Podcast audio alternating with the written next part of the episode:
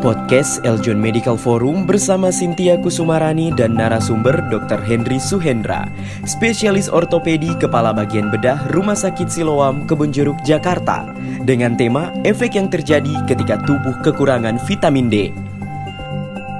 Podcast ini dipersembahkan oleh Eljon Media dan disponsori oleh Sun Clinic Bangka, pertama dan satu-satunya klinik kesehatan modern di Bangka. Selamat mendengarkan.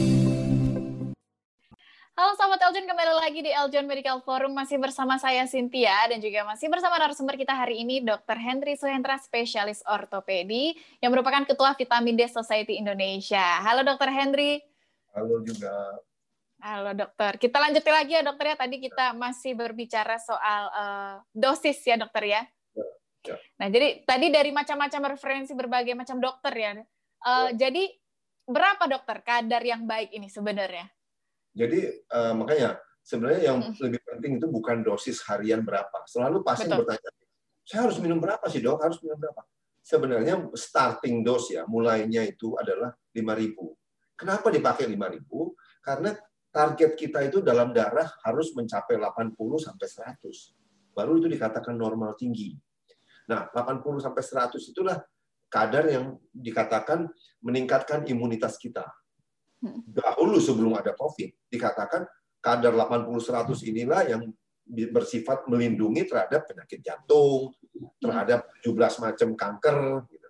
dan sekarang ya melindungi terhadap uh, COVID-19. Gitu. Hmm. Jadi harus dicapai 80 sampai 100. Dan dari kepustakaan untuk mencapai kadar 80 sampai 100 itu dibutuhkan minimal eh, dosis harian 5000 IU. Makanya cobalah pertama dengan 5000 IU, berapa lama? Satu bulan, dua bulan, kemudian dicek kadar darahnya. Sudah sampai belum? Kalau belum, itu bisa ditingkatkan menjadi 10.000. Dan 10.000 itu sekarang dia sudah dianggap uh, eh, NOAEL, Noel. Itu artinya apa? No observe at first effect level. Jadi itu level yang tidak memberikan efek samping itu hmm. sepuluh ribu sudah. Jadi jangan takutlah. Untuk meyakinkan lagi eh, pasien kita beritahu bahwa sepuluh ribu itu adalah 250 mikrogram. Seperempat hmm. mili saja itu kecil sekali. Hmm. Apakah itu menyebabkan keracunan nanti atau toksisitas atau overdosis? Tidak. Tidak pernah itu bisa menyebabkan uh, keracunan.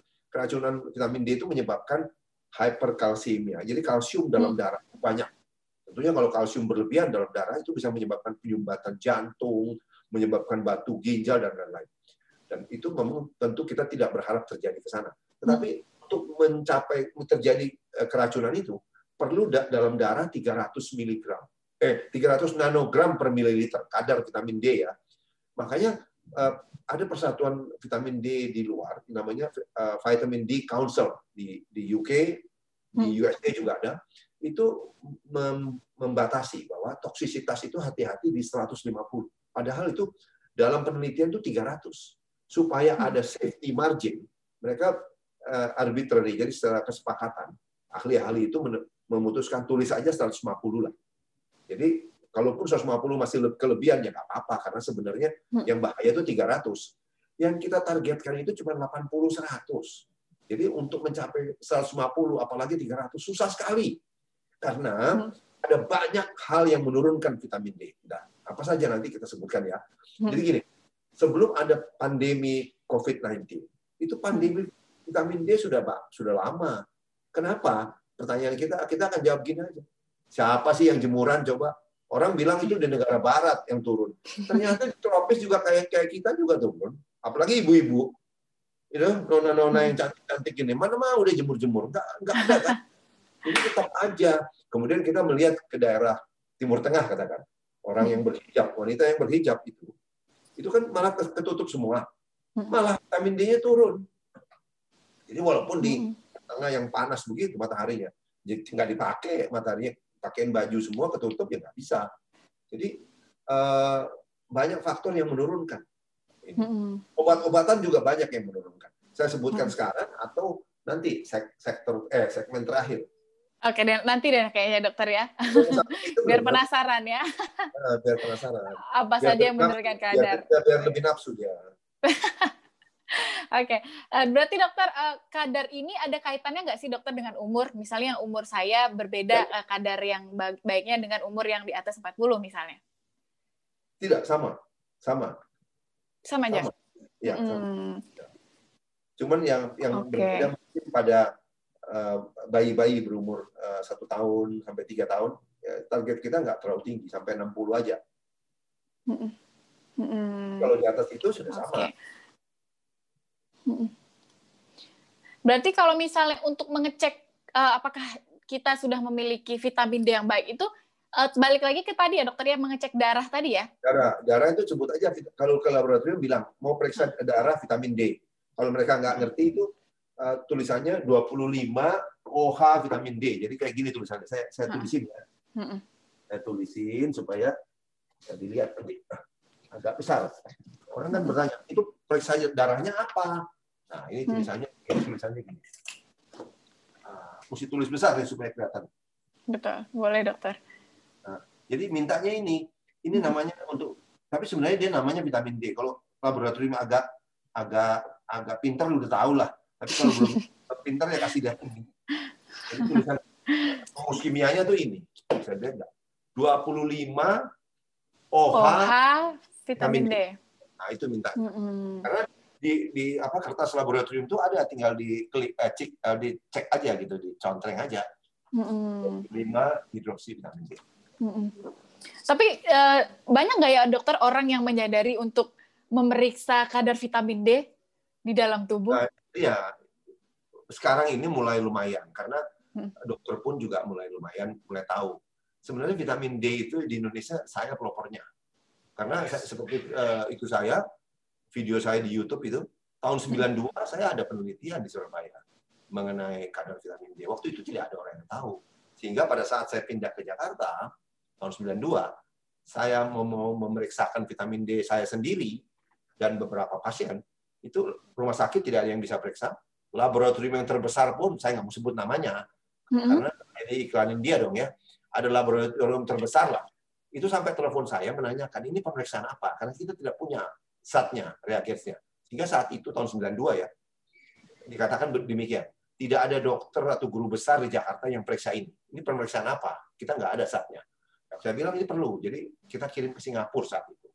Jadi lama, aku hmm. baru datang hasilnya dan bayarnya mahal sekali. Kalau sekarang kan udah udah relatif murah lah. Jadi hmm. dulu memang pertama saya, kemudian saya apalagi mengenai COVID terakhir ini mulai banyak yang tahu.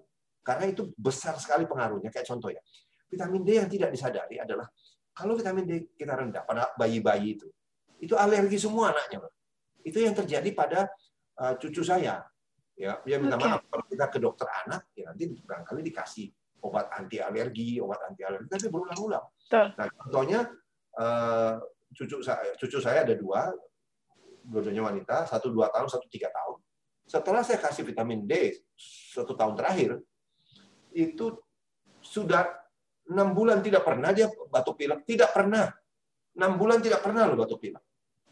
Sebelum diberikan vitamin D, oh sampai Nah, anak itu kan kalau kita lihat praktek dokter anak kan anak-anak hmm. batuk pilek, batuk pilek bolak-balik ini enggak, karena kita berikan daya tahan tinggi. Makanya sekarang vitamin D juga perlu sekali pada wanita hamil. Jadi pada saat wanita hamil itu vitamin D-nya harus bagus. Kalau tidak janinnya payah.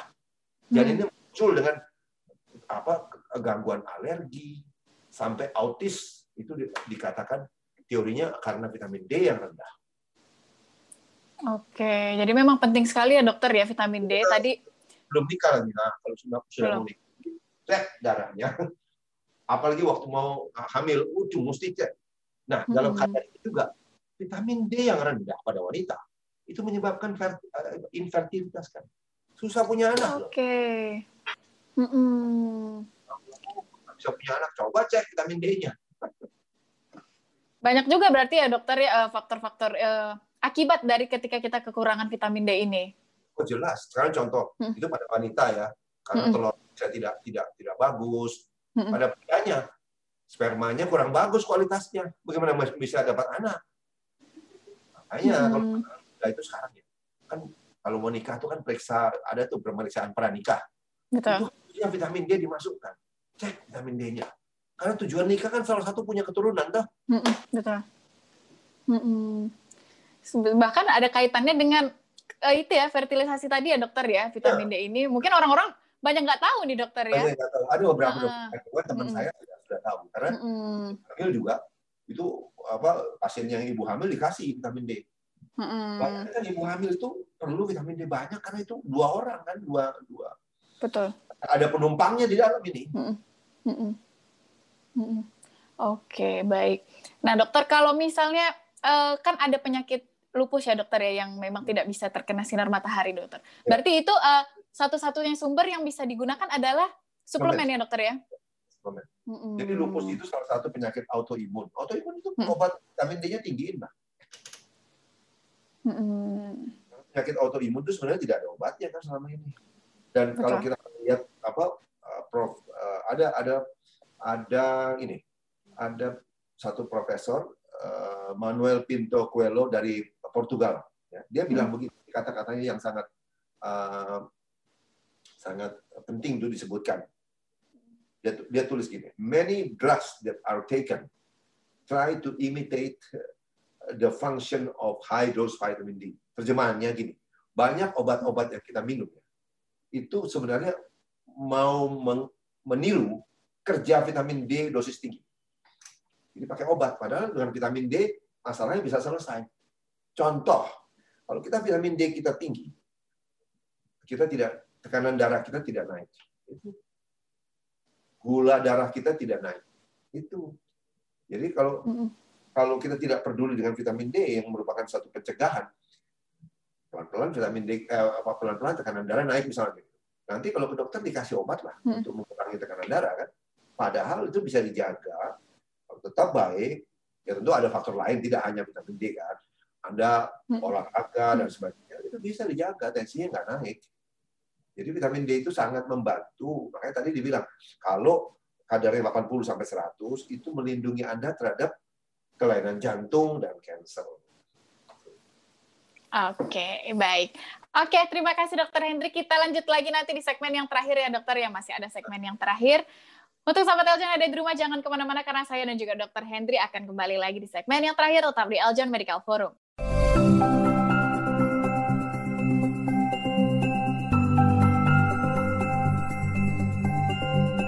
Terima kasih telah mendengarkan podcast Eljon Medical Forum persembahan dari Eljon Media dan disponsori oleh Sun Clinic Bangka, pertama dan satu-satunya klinik kesehatan modern di Bangka. Jangan lupa follow podcast Eljon Medical Forum di Spotify ya.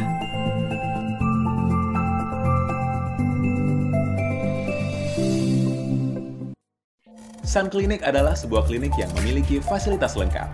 Memiliki ruang tunggu, Sun Clinic membuat 6 ruang praktek umum,